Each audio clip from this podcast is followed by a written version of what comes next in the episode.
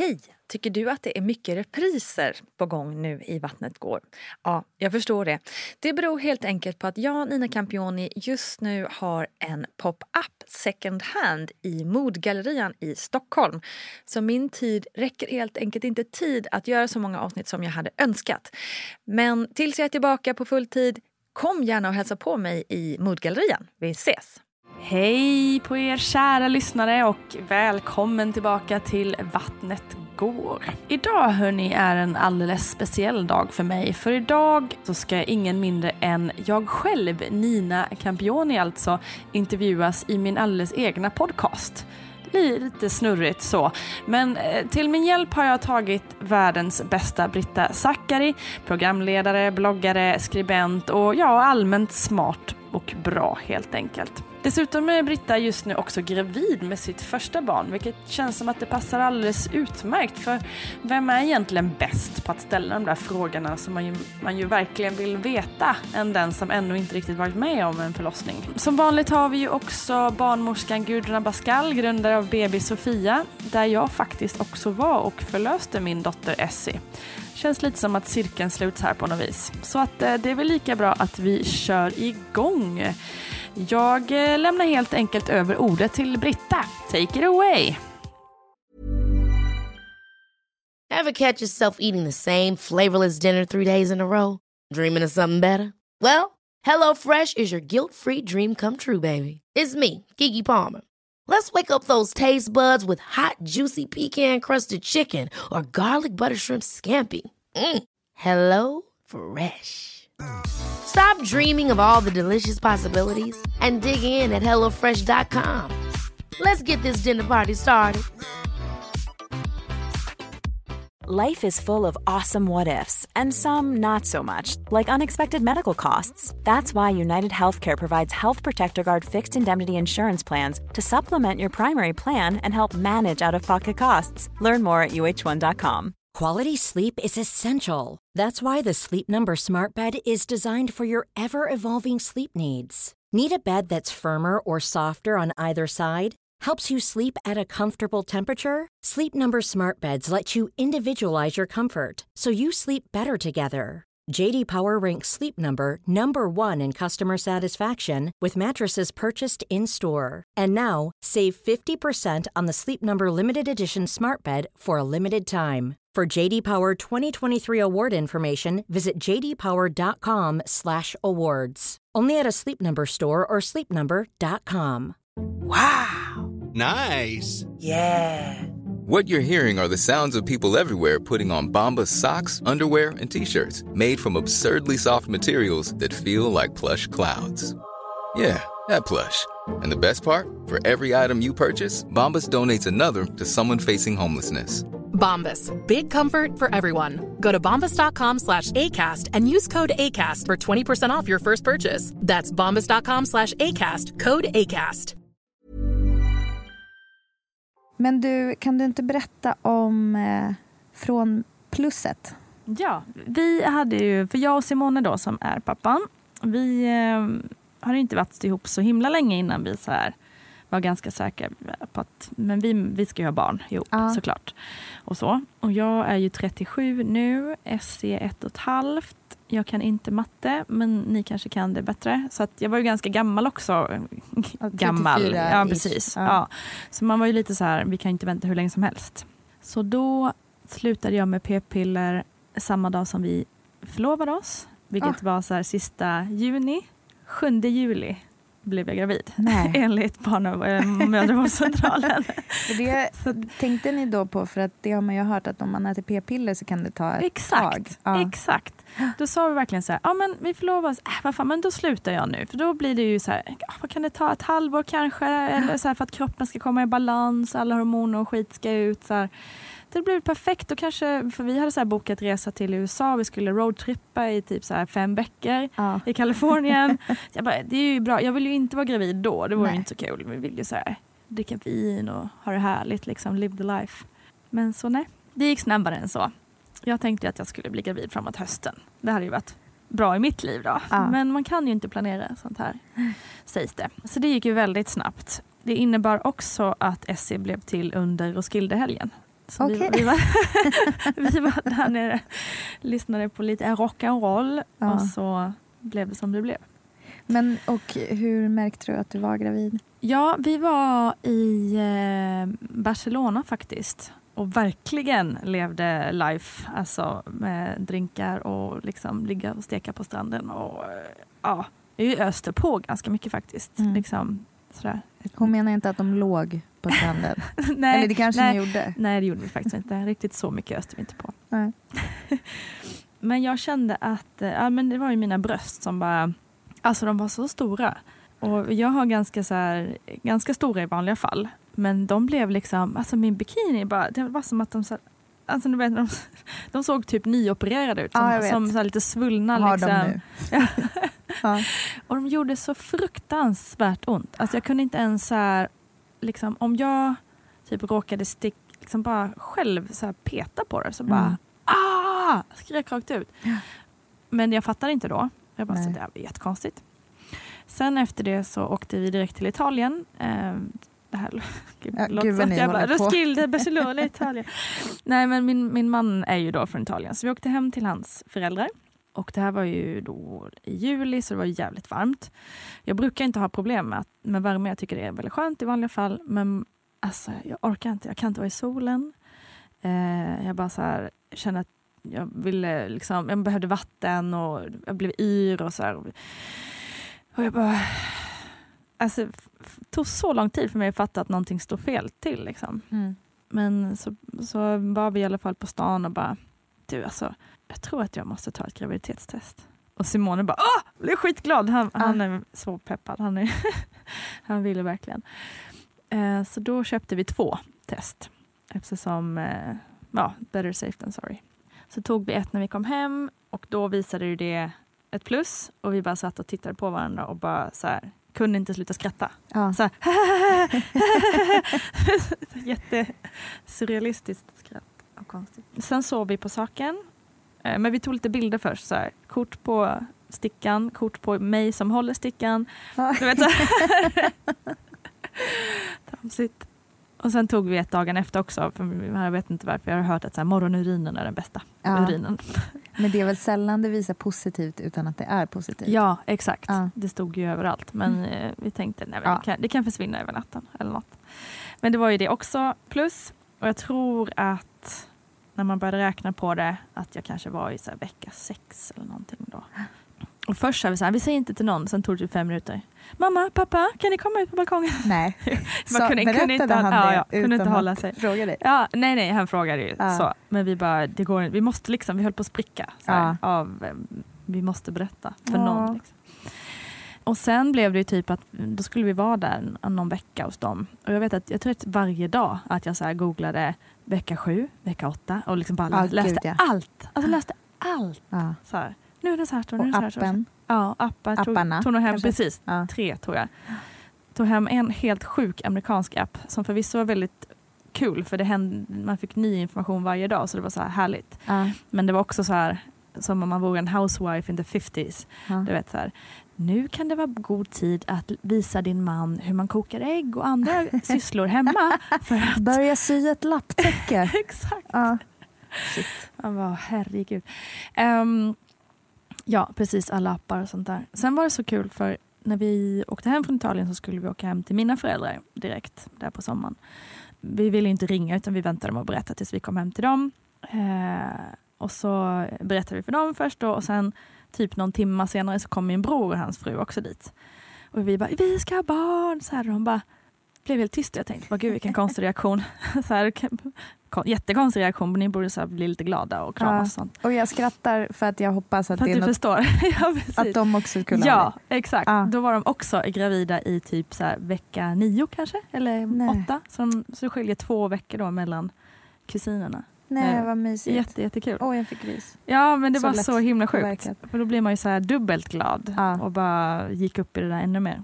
Ja. Och sen resten av graviditeten, hur var den? Jag måste säga att jag har haft en otroligt lyckosam graviditet. Mm. Jag har faktiskt inte haft några direkta... Jag hade inga direkta krämpor. Eh, rent fysiskt, inga, Inga inget att klaga på. Inget illamående alls faktiskt. Det enda som jag... Jag hatar dig lite. Ja, men jag förstår det. Det är sånt man det liksom låter inte ska kul för säga.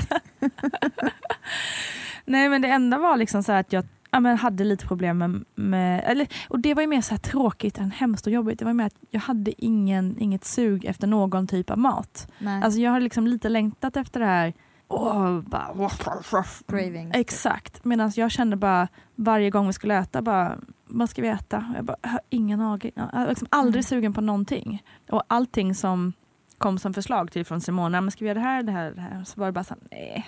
Mm. Nej, alltså ingenting lät speciellt gott. Så det var så här i typ åtta månader, eller från sju månader blir det kanske, när man börjar fatta att man faktiskt är gravid och sådär.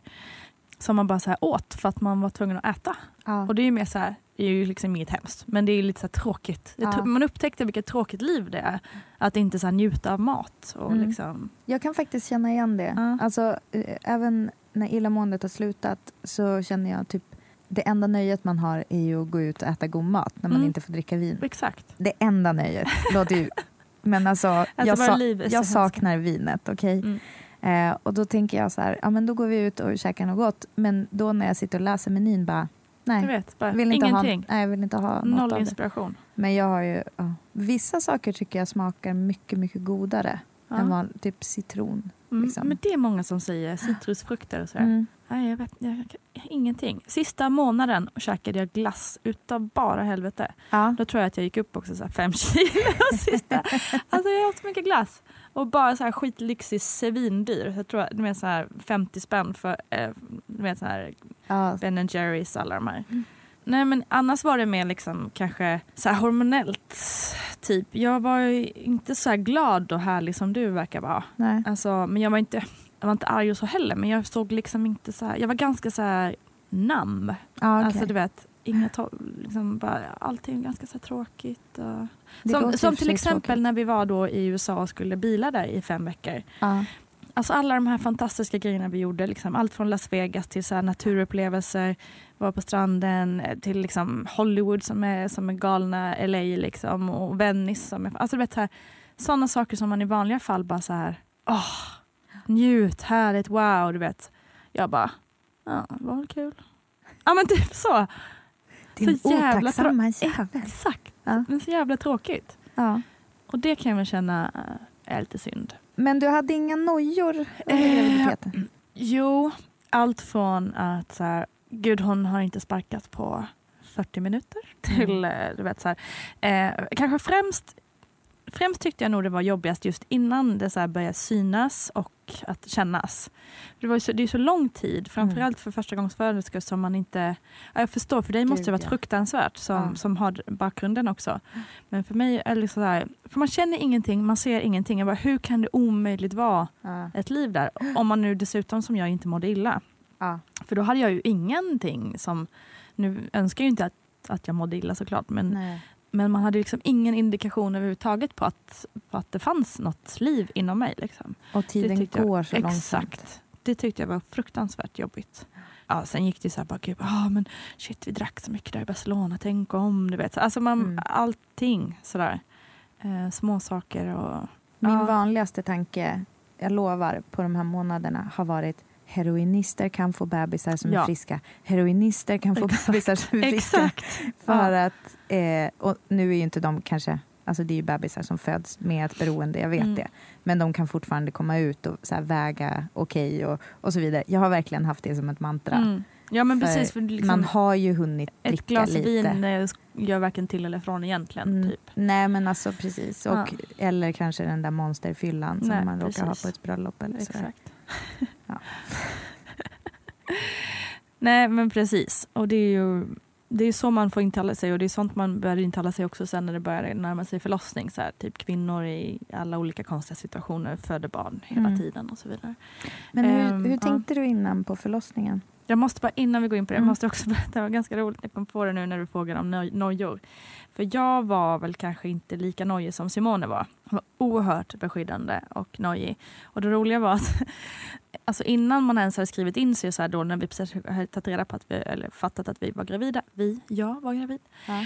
Ehm, så har man ju liksom inte, ju, man skriver ju in sig i vecka 7, 8, 9, eller vad det nu är. Ehm, så då hade man ju bara internet att liksom läsa på, så här, Ja. vad ska jag tänka på och så vidare. Men i alla fall, vi var i sommarstugan och vi höll på att renovera ett, eh, en liten lada där som eh, nu är så här som vi bor i. Just det, ni köpte en sommarstuga. Typ. Ja, Ja. precis. Det också. Massa grejer på. Men i alla fall så gör vi om det och alldeles själva. Eh, och jag tycker det är skitkul att göra själv och spika och hålla på. Så att eh, jag tänkte att det jobbar vi väl vidare på. Icke då, sa Simone. Jag fick inte ens måla innan, alltså den här veckan då när vi var där och jag bara var i så här vecka sju eller sex eller vad det nu var. Jag skulle egentligen kunna leva exakt som vanligt. Men han var så jäkla stressad. Jag fick inte gå upp på en pall liksom, som var typ 20 centimeter ovanför marken. För han bara, nej men alltså, det kan hända någonting. Och han blev typ på riktigt arg om jag liksom misskötte mig eller vad man ska säga. Han blev typ, men det är mitt barn också, du får inte och la la la la la. Det var skitfrustrerande. För Ja. jag tycker liksom inte det är så jättekul att bara sitta stilla och, glo. Liksom. Och sen blev det också så lite roligt när vi träffade barnmorska sen och jag eh, liksom Ja, vad får man göra och inte göra nu då? Ja, men du får, du får leva precis som vanligt. Och Simone bara, nej! Skitstressad. Så han höll koll på mig kan man säga. Förberedde du dig på något särskilt sätt inför förlossningen? Ja, första halvan av graviditeten så typ försökte jag ignorera så mycket som möjligt. Jag var ganska så rädd för förlossning. Eh, Jag tyckte att det var väldigt läskigt. Eh, Jag har alltid så tittat bort om det har kommit någonting på tv eller så tidigare och tycker det ser fruktansvärt hemskt ut. Jag kan inte ens kunnat se filmscener liksom, om typ när det är en komedi och Cameron Diaz ligger och är Ja. snygg. Liksom. Jag kan inte ens kolla på det. Just Hoppar när det dit. gäller förlossningar eller typ Nej, förloss- generellt sjukhusblod? Ja. Nej, bara förlossningar. Mm. Sjukhus är faktiskt ingen ångest över Mm. i vanliga fall. Nej, just förlossningar jag tyckte fruktansvärt läskigt. Och jag tror också att det har bidragit till att det kanske liksom tog lite längre tid för mig också att bli redo för att skaffa barn. Ehm, Jag var liksom långt in i mina 30 innan jag ens började känna att ja, men nu kanske jag kan börja bli redo. Mm. Jag var rädd, rädd helt enkelt faktiskt. Väldigt, väldigt rädd för det. Så först, liksom ena halvan kan man väl säga ungefär av graviditeten så ignorerade jag nog ganska mycket att, det skulle, att jag faktiskt skulle föda. Mm. Sen eh, när man liksom kommer en bit in så får man ju gå såna här föräldrakurs eller vad de kallar det för. Ja. Och där först började man väl säga okej. Och då liksom... Skiten ska ut. Precis, den ska ut. Eller förlåt, äl- det älskade barnet Det är ska precis ut. den vackra Ja. Men, och där, liksom, från och med då så antog jag liksom en ny strategi. Så Ja. istället för att stoppa huvudet i sanden så blev jag lite mer så här plugga på. Liksom, så. Mm. Ja, men om man lä- fast det var ju, jag kunde fortfarande inte så här, titta på bilder eller kolla på någon film eller så. Nej. Men däremot läsa jättemycket och liksom lära mig om de här olika faserna och si och så går det till och sen kan man be om det här och det måste man göra då och ska skriva det här brev. Alltså blev ganska mycket så här handlings... Ja, men målade liksom kanske upp en bild av så här ser det ut och så här funkar det. Nu Mm. vet jag allt. Får jag bara Eh, fråga, mm. övervägde du kejsarsnitt någonsin? Jag bara tänker, för om man är Ja, rädd för förlossning, precis. det är ju ett, liksom ett sätt att Mm, hoppa över det helt enkelt. Absolut. Eller ja, en bit av det. Exakt. Alltså, eh, både ja och nej. Jag hade ju väl det så här, liksom, jag tog ju, jag pratade med kompisar som hade gjort det och sådär. Men jag tror ändå att, jag tror faktiskt innan jag blev gravid, då var jag nog lite så här, ja jag ska ha kejsarsnitt, inget snack om saken. Och lite mer så här, typ, varför ska kvinnor bla bla bla. Eh, men sen när jag blev gravid och dessutom också då fick mer information såklart under graviditetens gång kring eh, kejsarsnitt kontra eh, vaginal födelse sådär, så kände jag väl nej, det, det är inget val. Alltså, kejsarsnitt får det bli om det måste, inte för att jag ska välja det av, av det skälet. Mm. Och sen tror jag också med hand, eh, eller efterhand så blev jag allt mer intresserad också av det här med födelse, alltså hur det skulle gå och häftigt att gå igenom och vilken utmaning och bla bla bla. Sådär. Mm. Ehm, och blev mer peppad också Mm. och såg det som, typ, alltså jag är ju gammal fotbollstjej så jag, såg, jag blev ju ganska så här, såg det lite som en match Mm. som jag laddar för. Eller, typ, eller springa ett lopp eller du vet som man, man kan... när Man Lite kan färre supporters vid sidan av. det är, nu är det i och för sig damfotboll så att, det är inte jättemånga där Typ lika heller. många. Exakt.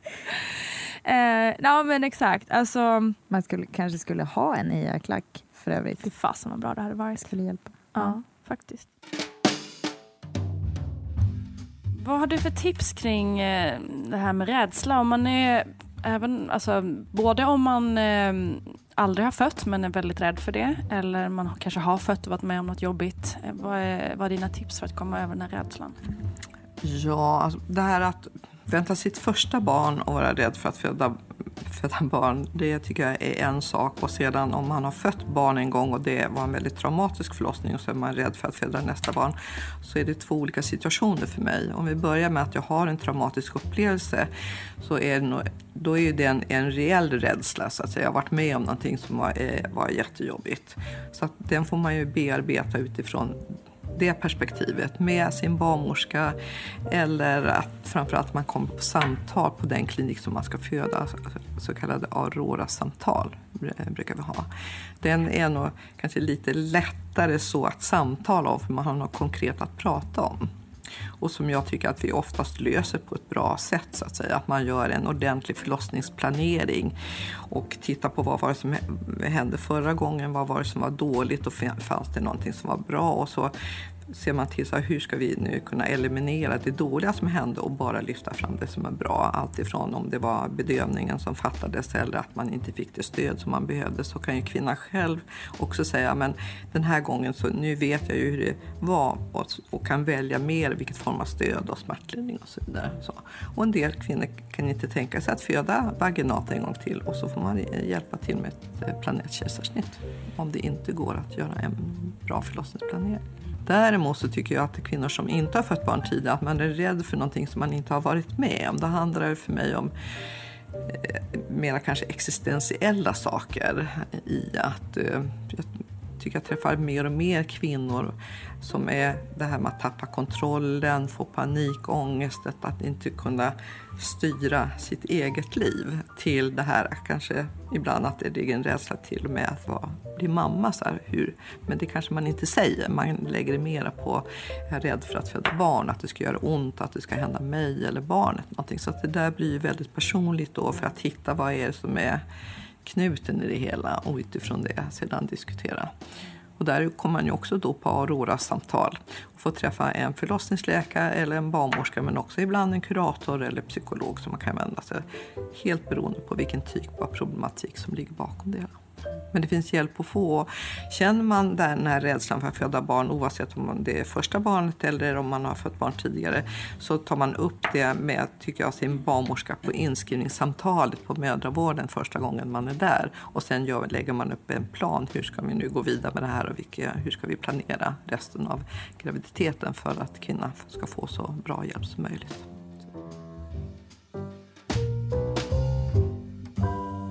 Ungefär när jag var, vad kan det varit, vecka 34 eller något sånt där, 33, 34. Så var jag på en vanligt rutinkontroll eller besök hos MVC. Och då sa hon, så här, hon tittade på mig in i ögonen så här, bara, du är väldigt stressad. Eh, jag tycker att du ska skära ner på jobbet. Jag tycker att du ska jobba hemifrån eller gå hem helt och hållet. Så här, vecka 34. Jag hade ju tänkt att jag skulle jobba till typ sista veckan. Min reaktion var först att bli sjukt provocerad. Mm. Jag bara, jag är normalt, jag mår hur bra som helst. Inga problem. Så jag tog inte alls in det. Medan Simone blev ju skitorolig såklart. Så han bara, du måste nog göra det. Och då när vi kom ut eh, från eh, det där, eh, vad heter det, MC, så, eh, så sa han det bara, men eh, jag tycker inte du ska gå in till jobbet idag. Och då blev jag skitarg på honom och sen började jag störtlipa. Och då det var det precis som att det brast liksom. På något vis. Och jag bara kände, jag, jag kanske är stressad. Eller du vet, så här, jag, du vet, det var precis som att kroppen, kroppen tog över min hjärna lite och faktiskt visade att jo, men du är nog det.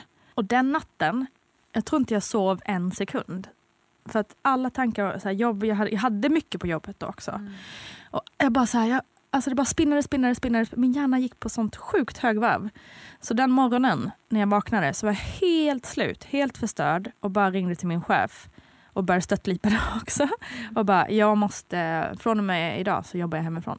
Och det var typ det bästa jag gjort tror jag. Mm. På, I vuxen ålder höll jag på att säga. För det var liksom i den miljön, jag, eller jag tror att många av oss är så här, man kör på liksom. Man högpresterar nästan alltid. Så, så man tänker att det är, liksom, det, här, det är ju så här det ska vara. Det blir mitt så här normaltillstånd. Mm. Eh, och man bara kör på, kör på, kör på. Så man, man fattar inte att man faktiskt är uppe i en enorm stress. Mm. För att man är så van vid det. Och så kanske man är stresstålig så att man egentligen fixar det också, men till en viss gräns. Mm. Jag kände så jävla, jag kände mig så dålig. Men sen när jag väl hade lämnat över allting kände jag så här.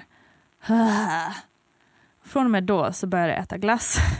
och bara, ja, men då kände jag bara, nu är jag, nu är jag så trött. Nu är jag trött. Alltså jag märk, inte, inte förrän då fattade jag så här, att jag var tung, trött, utarbetad och bara behövde sitta i soffan och kolla på Real Housewives of Ja. New York. typ. Inga måsten whatsoever. Och man bara så här, hur ofta har man det så i livet? Vad härligt. Och sen Ja, så blev det till slut dags. sen då, precis. Jag gick eh, åtta dagar och sen gick vattnet. Jag skulle gå ut och gå en promenad. Eh, för det är ju bra, har man hört, att man ska röra på sig lite. Så eh, jag hade precis tagit på mig jackan. Så bara känner jag hur det blir blött. Liksom. Det är också så coolt, man känner liksom inte att det, bara, det blir bara blött. Jag fattar Ja. liksom inte riktigt. Vänta, var kommer det här ifrån nu då? Och så tänkte jag, okej, vänta jag måste nog gå och sätta mig på toaletten. Och det bara så här, det, det lät som att jag bara kissade och kissade och kissade och kissade. Mhm. Um, fast jag, jag var så här, bara, men kissar jag nu? Eller? Vad, gör, vad, vad är det som händer? Jag fattar. Tappat känslan, allt där nere. Liksom. Så fruktansvärt konstig känsla. Jag förstod och jag så här ropade på Simone som var hemma. Simon, jag vet, jag vet inte om jag kissar nu. Han bara, eh, Tack för informationen. precis. Och han bara, jaha. Håll mig uppdaterad. Säg om det händer något mer. Ja men så bad jag, efter slut så bara, ja för du kom hit liksom. Och då började jag säga, men det är nog kanske det här som man har hört om, Mm. vattnet går grejen.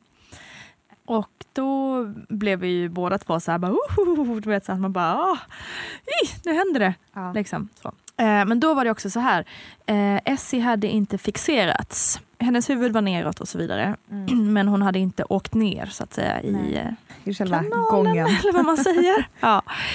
Så att då hade vi fått höra då, ehm, jag hade fått så här tid för igångsättning längre fram om, om in- inget annat hade hänt. Men då var det i alla fall så här, ring in om vattnet går. Så då gjorde vi det. I vanliga fall så brukar de ju bara säga att ah, ja, men stanna hemma tills verkarna kommer igång och business as usual. Liksom. Men nu då i och med att Essie inte var fixerad så fick vi komma in. Och då kom vi in där på eh, BB och ehm, de satte en sån här eh, CTG läsa av. eh, Vad är det? Jag vet. Jag kan ju Nej inget men om det här. precis, det, är därför det är så bra att du är här.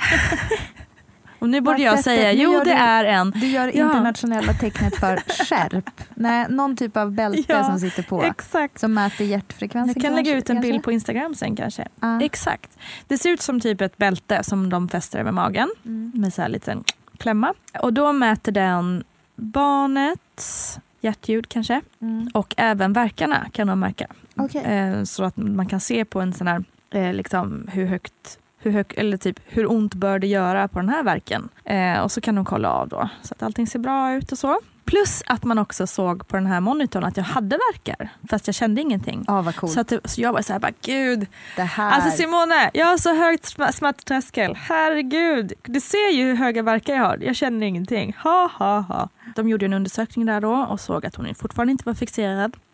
Så därför blev jag inlagd. Så då fick jag ett rum, eller vi fick ett rum där på BB. Och så varje gång jag typ gick på toaletten och sånt där så var jag tvungen att ringa på en eh, barnmorska som fick kontrollera ljud och hjärtljud och sånt där igen. Mm. Så jag fick ju helt enkelt ligga still egentligen eh, från och med då. Sen kom då den andra natten och då började jag få verkar. Helt liksom okej verkar inom situationstecken. Kändes som typ eh, väldigt hård mensvärk, alltså väldigt intensiv mensvärk. Men f- inte så pass mycket att jag var tvungen att liksom skrika eller typ ringa på läkare och få smärtlindring eller så. Så jag förstod att jag då hade kommit in i den här första fasen. Men jag blev skitglad då för jag kände att jag var inte jättesugen på att bli igångsatt. Man hade ju hört att det kunde vara ganska tufft. Så då blev det att jag sov ju ingenting den natten. Man låg där och räknade lite och bara kände att men nu kanske det börjar bli lite regelbundenhet. Och så, fast det inbillade jag mig nog bara, du vet, så här, för att jag så gärna ville det. Och så började solen gå upp och det blev så här vackert. Jag kände så här, åh vad härligt. Nu, idag, idag händer det typ. Så. Då avtar verkarna. Nej. Så det bara, nähä, bara slutade helt och hållet. Så då kommer eh, barnmorskorna in där igen då, så här på morgonen skulle se hur allting har gått under natten. Och jag bara, ja men jag har haft verkar hela natten men nu verkar det som att det har liksom stannat av. Jag bara, Jaha. Då undersökte de mig och kollade så hur, hur, långt jag hade öppnats. Och då hade jag ändå öppnats tre centimeter.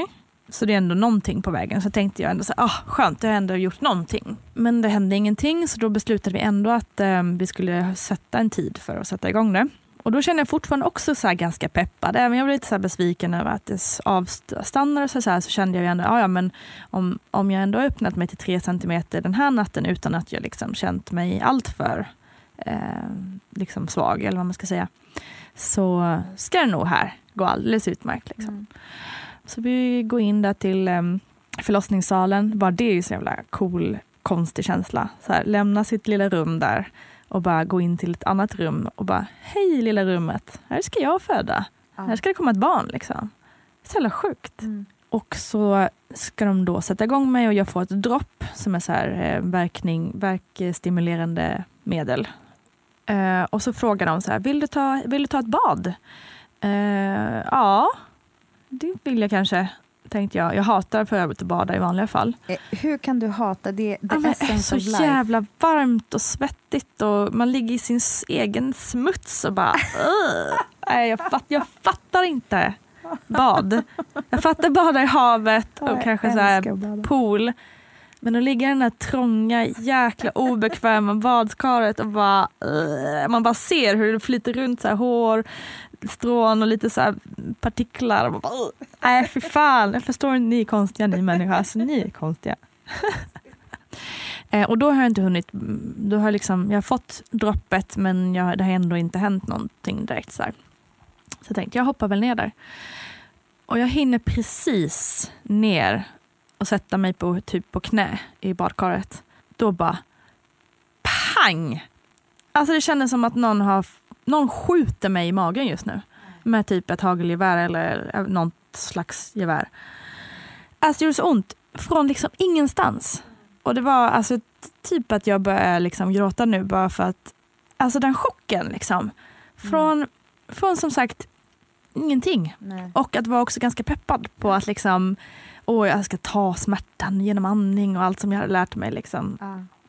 Uh, till att det gjorde så ont, förlåt. Ja. Ordvalet. Rätt ord i det här sammanhanget faktiskt. Ja, faktiskt. Because it is the fitta. It is. Så jag får panik. Ja. Och liksom glömmer allt vad andning heter och allt vad så här förberedande liksom, tänk kring. För det, det är ju också typ vad allt står i alla böcker så här. Få inte panik. Ja. Det är det värsta du kan göra för då låser sig hela kroppen ungefär. Men då jag bara så skrek, jag, bara, jag måste upp i det här badet, jag kan inte sitta i det här jävla badkaret. Liksom. Det går inte. Så var det också för mig. Jag vet inte om det blir så. Det blir väl inte så för alla, alla är olika. Men eh, inte nog med att det gjorde så ont att jag trodde att jag skulle dö. Det blev heller ingen paus mellan verkarna. Och det var också så helt oförberett. För det hade man också så läst och lärt sig att ja, så får man en liten paus mellan varje verk. Och liksom så Nej, det blev inget med det. Liksom. Eh, det här bältet som man eh, sätter runt magen för att mäta verkar. Berätta om det och varför mäter man verkarna? Ja, verkarna vill man ju mäta för att se hur, hur eh, långa är verkarna, hur starka är de och hur ofta kommer de? För på det viset så kan jag se att förlossningsarbetet går framåt. Det är en sak i det hela. Eh, nummer två så vill jag också relatera den här barnets hjärtfrekvenskurva vill jag relatera till hur, vad händer med den när verken kommer. För man kan säga att verken är en form av stress för barnet. Och då ser jag på barnets hjärtfrekvens om barnet reagerar med någon form av stress eller om den klarar det här bra. Så att det är, man kan säga att det är ett sätt att testa barnet, hur, vilken kondition barnet befinner sig i.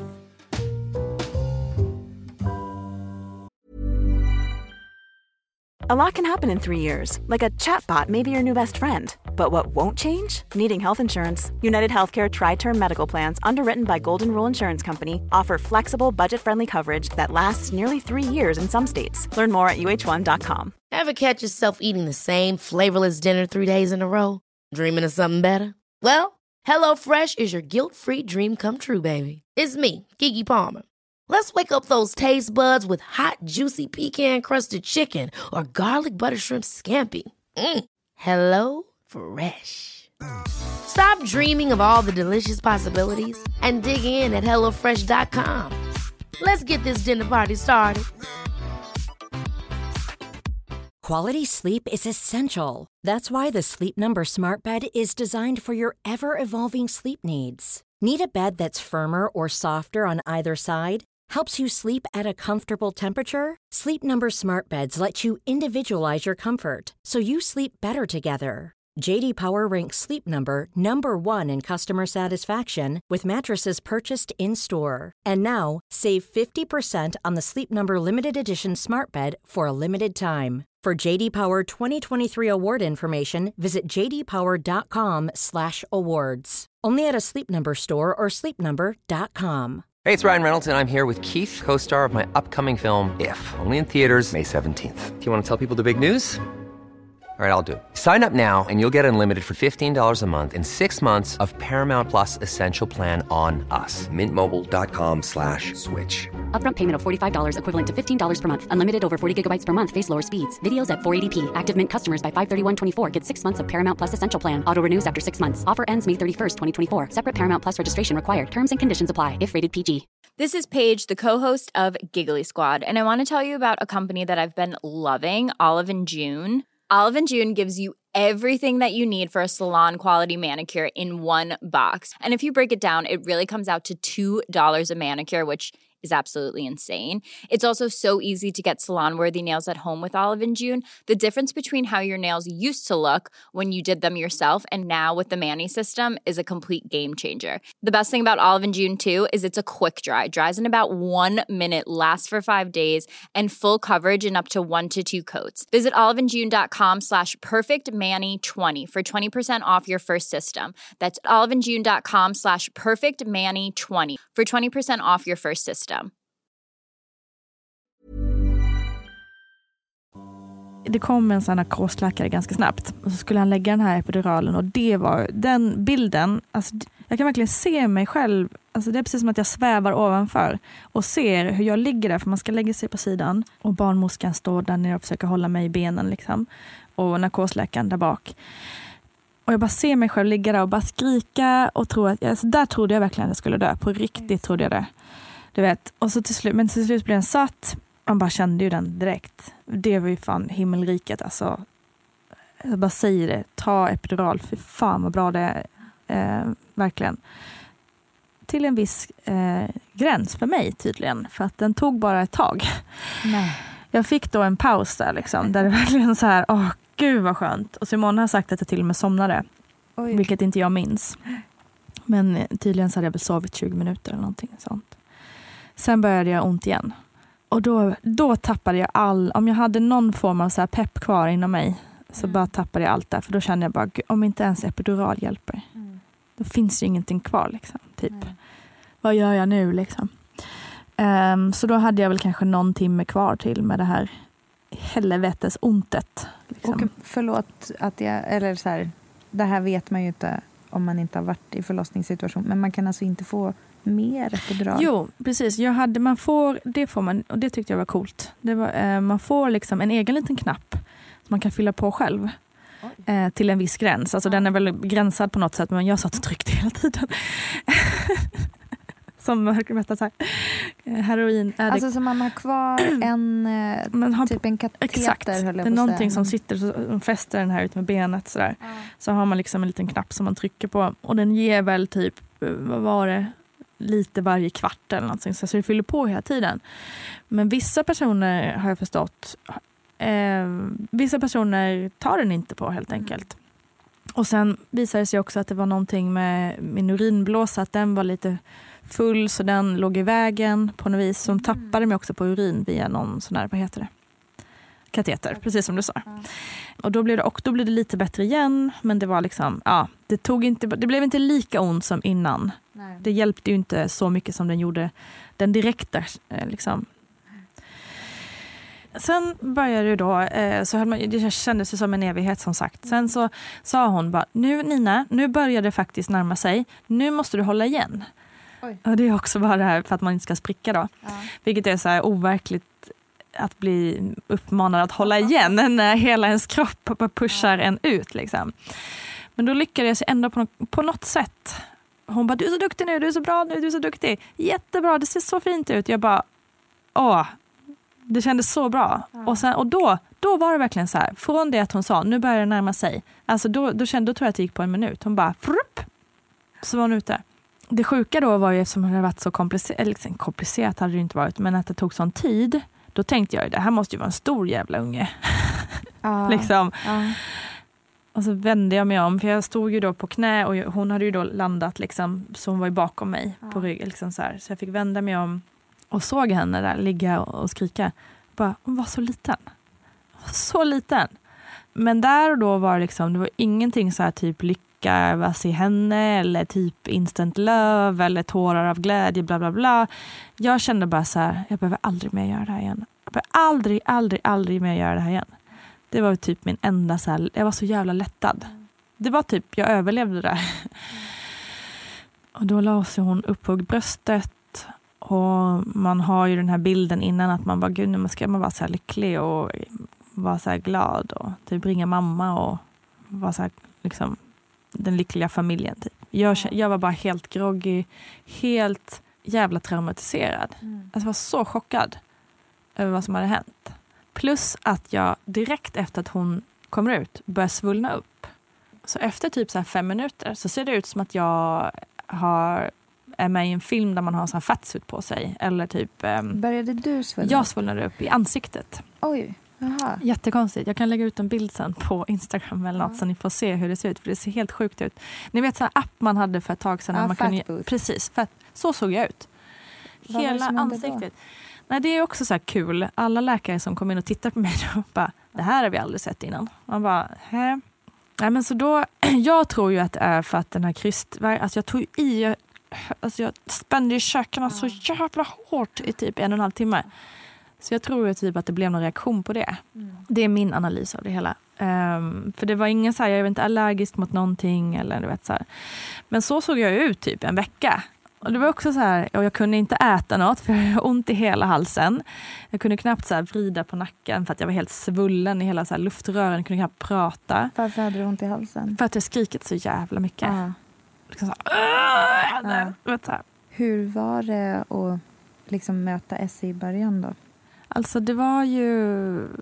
Nej, jag ska inte säga att det var fantastiskt, för det var det inte. Ehm, som sagt, jag hade bara fokus på att jag aldrig behövde gå igenom det här igen. För jag Mm. trodde på riktigt att jag skulle dö ett tag. Mm. På, riktigt, på riktigt trodde jag det. Och det är ingenting som man bara säger, som man säger ibland. Nej. Utan jag trodde på riktigt det. Så jag var, så, jag, jag var i sån chock. Och så typ glad över att jag hade överlevt. Mm. Men också så här chockad över vad som Jag fattade nog inte riktigt vad som hade hänt. Liksom. Nej. Fick du prata med någon om förlossningen? Jag vet inte, gör man Nej. sånt? Alltså man går ju igenom med barnmorskan typ två dagar efter. Så här, hur tyckte du att eh, upplevelsen var? Bla, bla, bla. Ja. Och då, lite orättvist, så ska man sätta en 1-10 betyg på hela på allt. Ja. Och det blir ju helt missvisande för att jag menar jag tyckte att det, de som jobbade där var fantastiska, miljön var fantastisk, allting gick ju egentligen bra. Alltså rent så här, Ja. medicinskt var det ju inget problem, fel eller någonting. Nej. Det blev som det blev liksom gjorde att jag kunde, jag, jag bara sa en tvåa. Jag tyckte det var så vidrigt liksom. Ja. Och då blir det ju så helt missvisande för hur de skötte sitt jobb till exempel eller sådana grejer. Just Men det, ja, det är en annan diskussion. Första månaderna efter att Essie hade kommit så pratade vi kring så här, syskon och sådär. Liksom. Och då var jag så här, jo, jag vill, jag vill ha syskon, det vill jag absolut till Essie. Men aldrig i livet att jag går igenom en förlossning igen, utan då får det bli kejsarsnitt.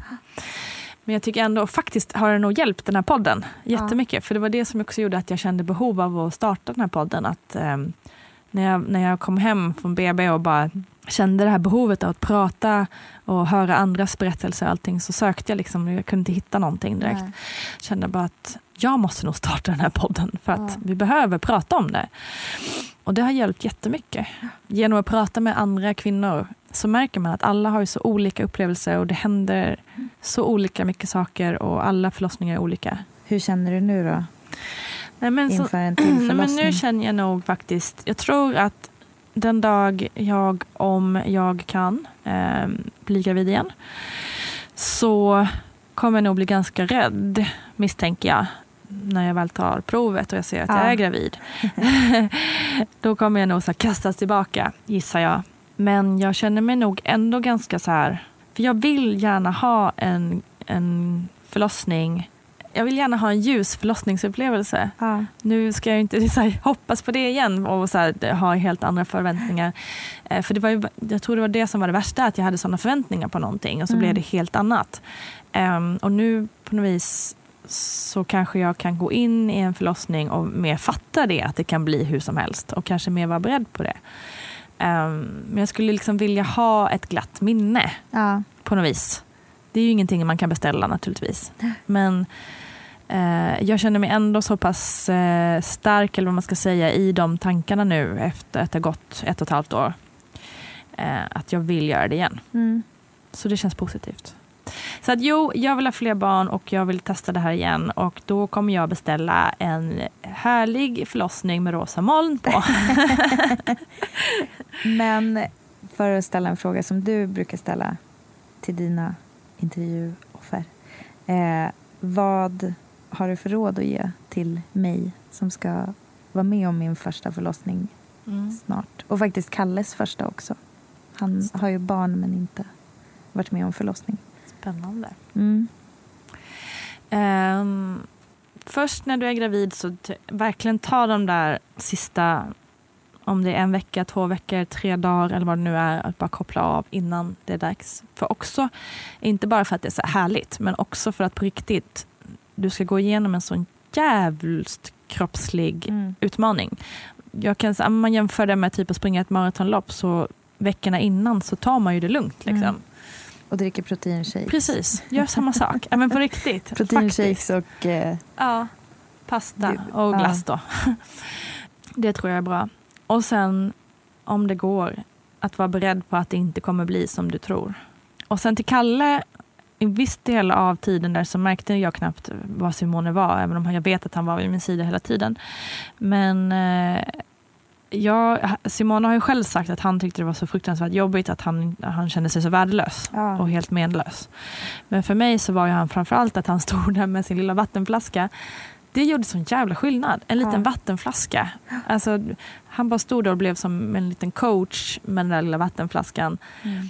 Ehm, det gjorde, jag gjorde så sjukt mycket rent psykiskt. mm. Ehm, så bara vara där och stå och bara liksom hålla en ar- arm, hand på din axel och bara visa att du, är- han är där. Liksom. Mm. Och sen också så här, var din liksom, ställföreträdande. Alltså just så här, om, om du känner att du inte klickar med en barnmorska eller någonting, så till, då får Kalle ta den diskussionen. Liksom. Att Ja. Det är inte du som ska behöva göra, ha ångest för sådana saker. Liksom. Nej.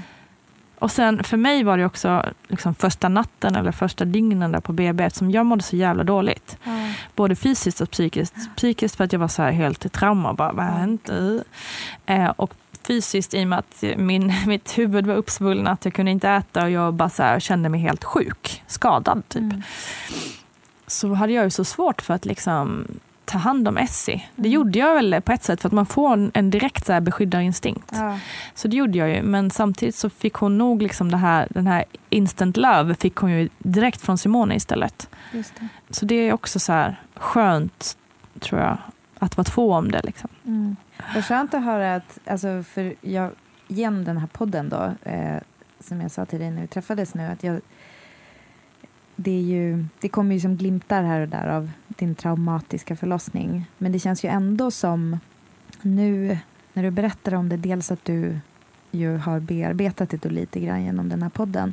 Eh, men jag tycker också att det låter som till exempel att barnmorskan säger hela tiden att du ser så stark ut och sådär hon hade väl också gjort en bedömning om det var så att du verkligen inte klarar. För det är typ min enda grej som jag håller fast vid. Det är så här, det finns personal där, de gör det där varje dag. Mm. De, vissa har förlöst över tusen barn. Mm. De kommer säga om det Mm. är något konstigt eller om man de facto håller på att dö. Ja, exakt. Och så kände jag verkligen. Jag, hade, jag kände fullt förtroende för Ja. henne.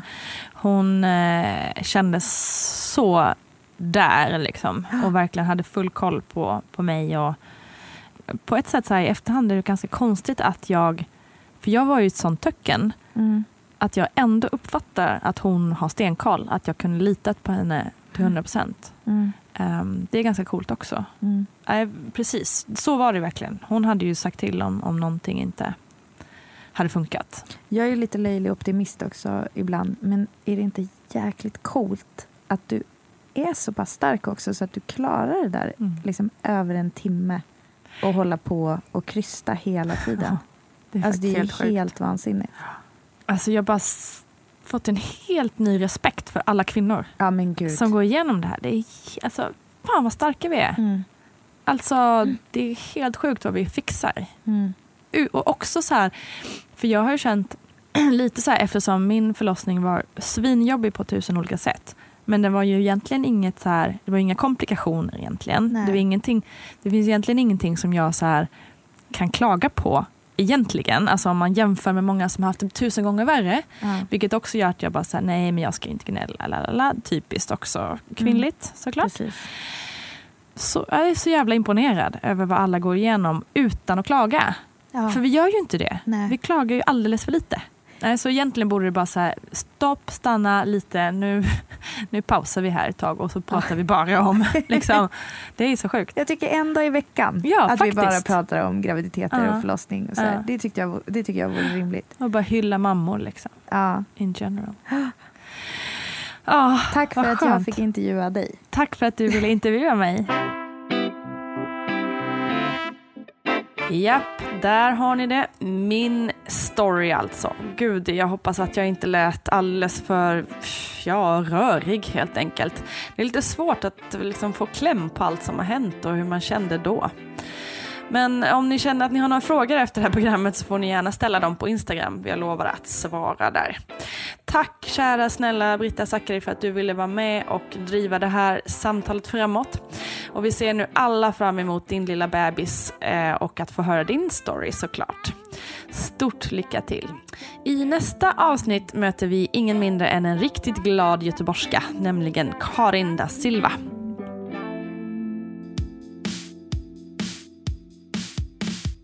Jag var hormonell, men det gör jag i vanliga fall också. Eh, Jag hade väldigt lätt till tårar, men jag var inte sån som liksom kastade porslin och sa att min man var en idiot och sånt där. En liten, eller ganska stor detalj i det här var att precis så här i vecka 38, då började de med stambyte i vår lägenhet. Så vi var tvungna att flytta in till min mamma. Producerat av Perfect Day Media. Ever catch yourself eating the same flavorless dinner three days in a row? Dreaming of something better? Well, HelloFresh is your guilt-free dream come true, baby. It's me, Gigi Palmer. Let's wake up those taste buds with hot, juicy pecan-crusted chicken or garlic butter shrimp scampi. Mm. Hello Fresh. Stop dreaming of all the delicious possibilities and dig in at HelloFresh.com. Let's get this dinner party started.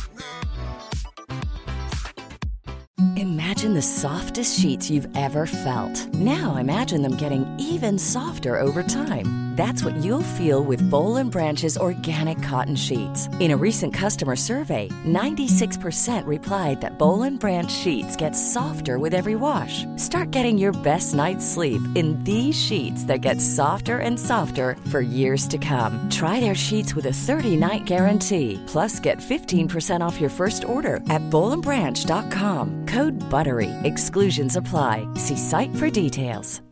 Hi, I'm Daniel, founder of Pretty Litter. Cats and cat owners deserve better than any old fashioned litter. That's why I teamed up with scientists and veterinarians to create Pretty Litter. Its innovative crystal formula has superior odor control and weighs up to 80% less than clay litter. Pretty Litter even monitors health by changing colors to help detect early signs of potential illness. It's the world's smartest kitty litter. Go to prettylitter.com and use code ACAST for 20% off your first order and a free cat toy. Terms and conditions apply. See site for details. Even when we're on a budget, we still deserve nice things. Quince is a place to scoop up stunning high end goods for 50 to 80% less than similar brands. They have buttery soft cashmere sweaters starting at $50, luxurious Italian leather bags, and so much more. Plus, Quince only works with factories that use safe, ethical, and responsible manufacturing. Get the high-end goods you'll love without the high price tag with Quince. Go to quince.com/style for free shipping and 365-day returns.